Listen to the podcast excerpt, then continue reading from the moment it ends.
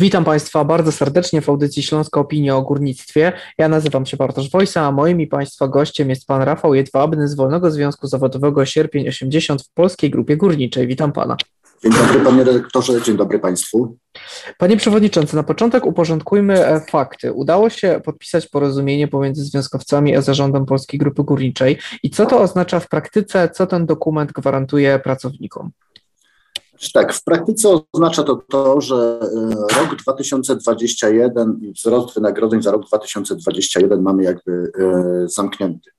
E, chciałbym tylko przypomnieć, że, że tak naprawdę to biliśmy się o, o, o środki, które pracownikom się należały, czyli wypłata zaległości za przepracowane soboty, niedzielę mhm. i ustalenie średniej płacy bazowej na, na wysokości 8200 E, e, to jest średnia bazowa, która jakby jest wyjściową na rok 2022. No i teraz myślę, że, że, że czas usiąść na, na temat e, podwyżek czy, czy, czy regulacji wynagrodzeń na, na, na ten rok. Nie ukrywamy, że, że interesuje nas wzrost wynagrodzeń czy, czy, czy wyrównanie wynagrodzeń o wysokość inflacji. Mhm. No właśnie, bo pojawiają się takie głosy i zapewne docierają one też do Państwa, że te e, postulaty w kontekście e, złej sytuacji finansowej PGG mogą być przez niektórych negatywnie odbierane. Wyjaśnijmy więc, czy spełnienie tych postulatów nie zaszkodzi dodatkowo sytuacji ekonomicznej spółki? E, to znaczy, ja powiem tak, wzrost wynagrodzeń w żaden sposób nie, e, nie, nie zaszkodzi e, tej spółce. Tej spółce najbardziej co szkodzi, to regulowana cena sprzedaży węgla na, na energetykę. Jesteśmy mhm. spółką, która w zasadzie większość swojego wydobycia kieruje na, na, na energetykę zawodową, czy, czy, czy energetykę ogólnie mówiąc, i elektrociepłownię. Mm, chciałbym tutaj tylko nadmienić, że ze względu na to, że próbuje się u nas jakoś uchwycić inflację w kraju, która, która jest no, galopująca, e, postanowiono węglem mm, troszeczkę wyhamować tą inflację. Mhm. E, my dzisiaj sprzedajemy na, dla energetyki węgiel w cenach o wiele niższych, aniżeli są to rynki, ceny na rynkach światowych. Polska Grupa Górnicza mogłaby świetnie zarabiać e, dzisiaj na sprzedaży węgla, tylko e, to by oznaczało, że polskie elektrownie nie otrzymałyby tego węgla, ten węgiel poszedłby za granicę, a to by oznaczało, że w Polsce braknie energii i ciepła. Mhm. Ale mm, to rozumiem, że jeszcze Państwo będą walczyć właśnie ten wzrost wynagrodzeń o inflację, czyli rozumiem, że te e, rozmowy jeszcze będą trwały. Tak, tak, rozmowy na pewno będą trwały. Oczywiście to będzie inny zupełnie zespół, bo to jest zespół, który był przy umowie mhm. społecznej. E, my w umowie społecznej wprawdzie na ten rok mamy zapisany wzrost wynagrodzeń, wskaźnik jakby o 3,8%. Mhm. No nie ukrywamy, że w maju w zeszłym roku, jak podpisywaliśmy porozumienie, zapewniano nas, że, że inflacja będzie gdzieś około 2%, 2%. E, Podpisano z nami wtedy 3,8%. Mm, my mieliśmy wtedy obawy, że, że, że, że jednak chyba, chyba przeszczelimy e, z tą inflacją, bo już wszystko wtedy się zapowiadało, że jednak te ceny, e, znaczy, przepraszam, ta inflacja poszybuje. Mhm. Wtedy strona rządowa, e, tam minister Soboń jeszcze wtedy reprezentował, no, przedstawiał nam wszelkie analizy, że, że, że te 3,8 jakby w pełni rekompensuje inflację, ale wtedy też ustaliliśmy, że gdyby ta inflacja okazała się wyższa, to, to, to siadamy do stołu, mm, ale to tylko z jednego względu, panie redaktorze.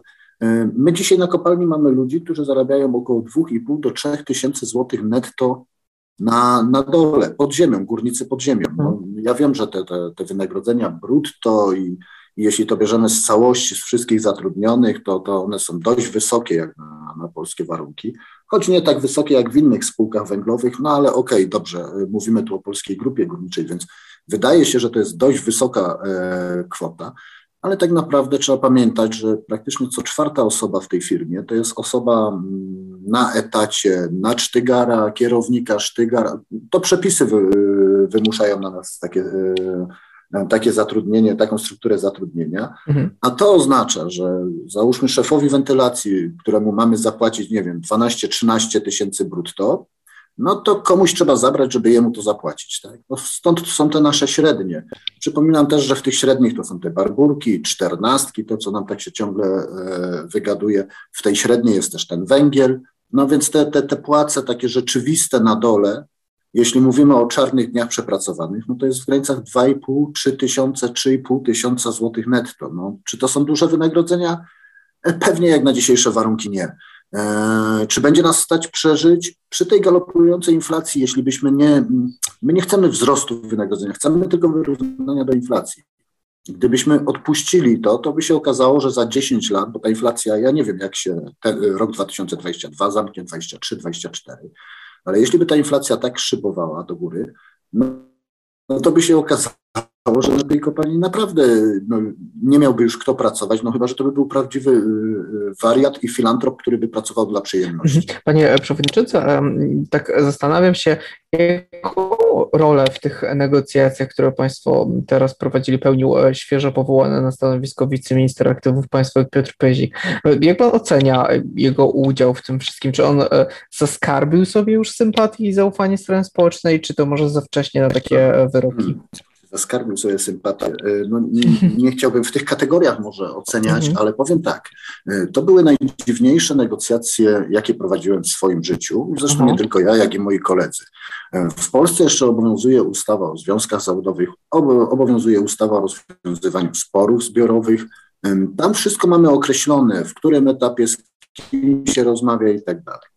E, wie pan, spotykamy się z mediatorem z listy ministerstwa. Mediator, niezależna osoba, e, pani mecenas przyjechała do nas chyba z Warszawy, tyle kilometrów przyjechała, gdzie zarząd powiedział, że nie ma możliwości e, żadnych ruchów wynagrodzeniowych robić, nie ma możliwości zapłacić zaległości pracownikom za przepracowane soboty, niedziele. To był chyba czwartek. E, przepraszam, środa w zeszłym tygodniu. W czwartek jedziemy do Warszawy. Zaproszono nas do, do na spotkanie do MAP-u. Mhm. No i tam się okazuje, że, że w zasadzie można podpisać porozumienie, tylko trzeba wrócić na Śląsk, usiąść jeszcze raz z tym samym zarządem, którym, z którym dwa dni wcześniej rozmawialiśmy, e, usiąść i podpisać e, porozumienie i, i tak naprawdę zrealizować wszystkie żądania, jakie miała strona społeczna. E, naprawdę ciężko mi to ocenić. Pan minister bardzo ładnie się zachował e, w Warszawie, e, wysłuchał naszych argumentów. Otwarcie przyznał, że, że, że, że w Polsce brakuje węgla przez nieudolność między innymi rządzących, ale to nie tylko y, obecna koalicja PiSu i Solidarnej Polski, ale i, i wcześniejsze, koalicje, wcześniejsze partie PO i tak dalej. Doprowadzono w Polsce do tego, że, że opieraliśmy się na gazie rosyjskim, na imporcie energii z zagranicy, która niejednokrotnie była droższa, na węglu rosyjskim się opieraliśmy, który też niejednokrotnie był droższy. Gdy Rosjanie przykręcili kurek z gazem, wycofali swój węgiel, okazało się, że w Polsce brakuje nam kilka milionów ton e, węgla, żeby uratować energetykę. Stało się to, co my mówimy tak naprawdę od, od yy, kilku lat, że, że, że po to nas e, rosyjski węgiel zalewa, żeby zniszczyć polskie górnictwo. Tylko nikt nie umiał e, dwa lata, trzy lata, cztery lata temu wpłynąć na energetykę, która miała kontrakty z Polską Grupą Górniczą. Nikt nie umiał wpłynąć na nich, żeby zrealizowano kontrakty podpisane z Polską Grupą Górniczą, żeby odebrano węgiel z Polskiej Grupy Górniczej, a niejednokrotnie ta energetyka brała droższy węgiel rosyjski. No i dzisiaj mamy sytuację, jaką mamy. Tak naprawdę na kopalniach ludzie teraz się dwoją, troją, żeby tego węgla nakopać. Tylko na kopalniach oczywiście, jeśli się zmniejszy wydobycie, tak jak my zmniejszyliśmy o 9 milionów ton, mhm. no to z dnia na dzień nie jesteśmy w stanie zwiększyć tego wydobycia. To jest proces, który znowu potrwa rok, półtora. Tylko my też mamy pewne obawy. Y, dwa lata temu powiedziano nam, dajcie 30 milionów ton, bo ten węgiel cały jest potrzebny odebrano od nas 21 czy 22 miliony. Zresztą węgla my zostaliśmy, co przyniosło nam miliardowe straty. E, I teraz też mamy obawy, że ktoś mówi, no to inwestujcie, inwestujcie, bo będzie ten węgiel potrzebny. Boimy się, że znowu nakopiemy tego węgla, a ktoś na końcu powie, nie, to my sobie weźmiemy rosyjski węgiel. No, tutaj musi, zdecydowane ruchy muszą być e, e, i Ministerstwa Aktywów Państwowych, ale też myślę, że, że pan premier tutaj powinien, jest właścicielem i spółek energetycznych, jak i spółek węglowych. To musi być spójne. To nie może być tak, że jeden z prezesów spółki energetycznej sobie decyduje o tym, e, jak, jak ma wyglądać bilans energetyczny całego kraju. Mhm. Biorąc to wszystko pod uwagę i to Państwa spojrzenie na tę sprawę, bo nie wiem, czy dobrze zrozumiałem ten komunikat po e, podpisaniu ostatniego porozumienia. Państwa protest e, nie został zakończony, a wstrzymany do czasu wyjaśnienia jeszcze sprawy z górniczą umową społeczną, tak? Tak, tak, dokładnie tak. E, to powiedzieliśmy od razu. Znaczy, e, spór zbiorowy musiał zostać e, jakby zakończony, bo mhm. spełniono wszystkie nasze żądania. Ale my protestów nie, nie zakończyliśmy, tylko wstrzymaliśmy. Mamy kolejny problem z umową społeczną. Czekamy na notyfikację Komisji Europejskiej. Oczywiście czekać pewnie będziemy jeszcze z, z 10-12 miesięcy, a może i dłużej. Pomimo, że jak pracowaliśmy nad tą umową społeczną, zapewniano nas, że z Komisją Europejską wszystko jest dograne. No jak się okazuje, jak e, poszły, poszła, e, poszły dokumenty do Komisji Europejskiej, no to tak chyba nie za wiele mieliśmy dograne. Miało być do e, końca zeszłego roku, prawda? Tak, do końca zeszłego roku. Mamy pewne obawy, dochodzą nas słuchy, mm, no i to są potwierdzone jakby informacje, bo, bo, bo dyrektorzy na kopalniach to robią, o, o, o kolejne przeliczenia jakby żywotności kopalń. Ja przypominam, że przy umowie społecznej to nie było tak, że ktoś sobie usiadł i mówi, ta i ta kopalnia będzie do roku 2025, ta do 2030, tylko to wszystko było oparte na całym systemie energetycznym, czyli yy, wiemy, że któryś blok energetyczny będziemy w którymś roku wyłączać, ta kopalnia do tego i tego czasu na ten blok energetyczny daje węgiel i w zasadzie y, jakby te, te, te dwie firmy by się zwijały, tak? Któryś z bloków energetycznych jest wygaszany i któraś z kopalń jest wygaszana. Dzisiaj dochodzą nas słuchy, że, że ktoś chce robić jakieś przeliczenia na, na zakończenie żywotności górnictwa w 2,35, może w 2,40.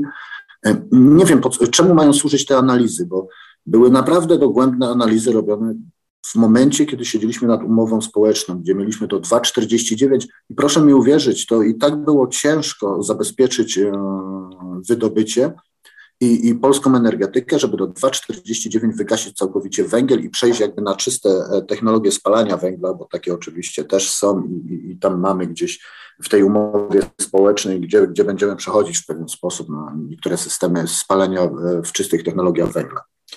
Mm, I, to nas y, teraz martwi na dzień dzisiejszy. Martwi nas Fundusz Transformacji dla Śląska, który miał być, do dzisiaj nie ma, a tutaj przypominam, nie potrzeba zgody na to Komisji Europejskiej, bo to są nasze wewnętrzne uregulowania. Mhm. Martwi nas wiele rzeczy, które jest w tej umowie społecznej i jest nierealizowane.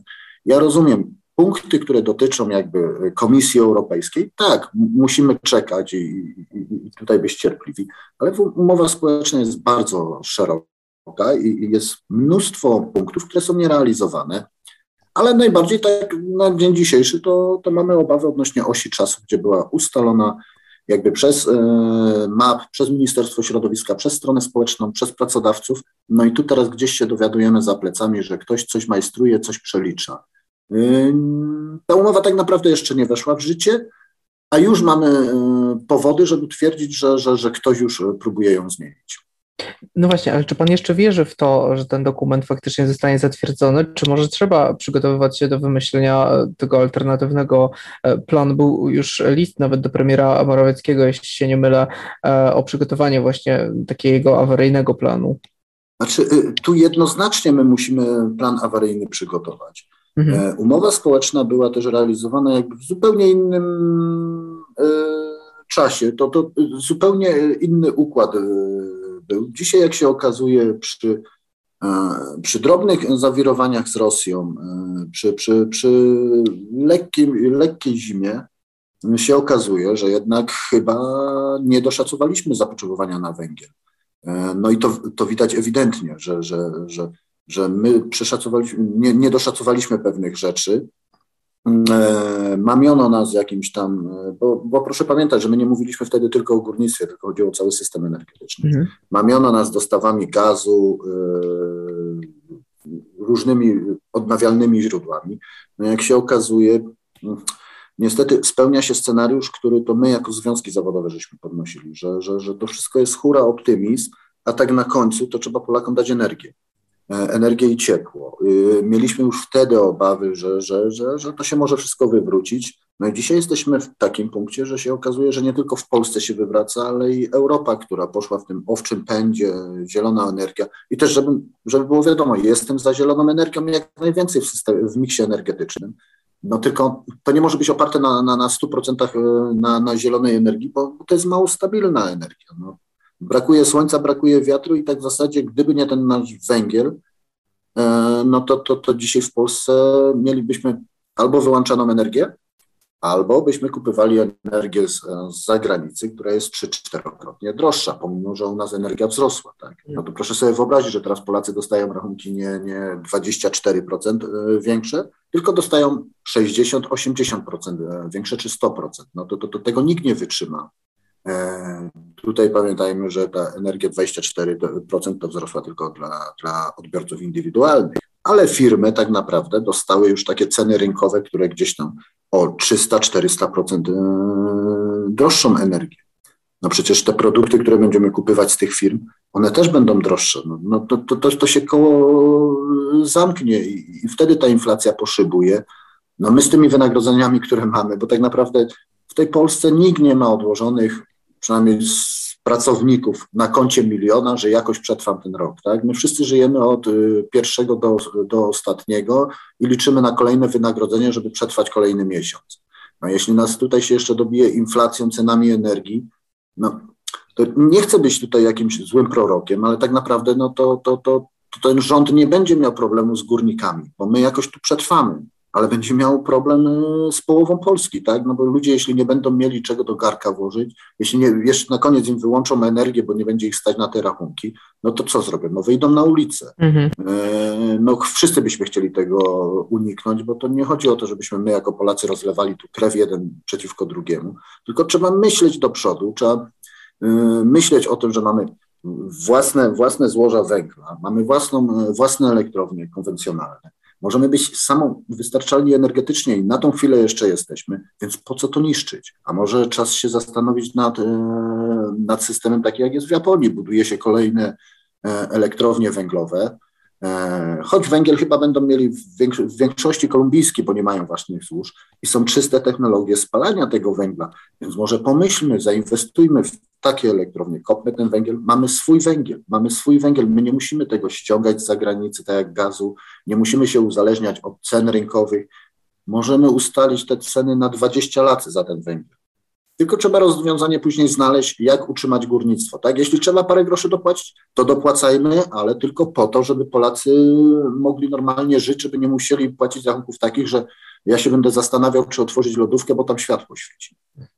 Panie Przewodniczący, to tak podsumowując, e, jeśli chodzi o sytuację polskiej grupy górniczej. E, prezes Tomasz Rogala mówił jakiś czas temu, że pieniądze spółce wystarczy tylko do końca 2021 roku.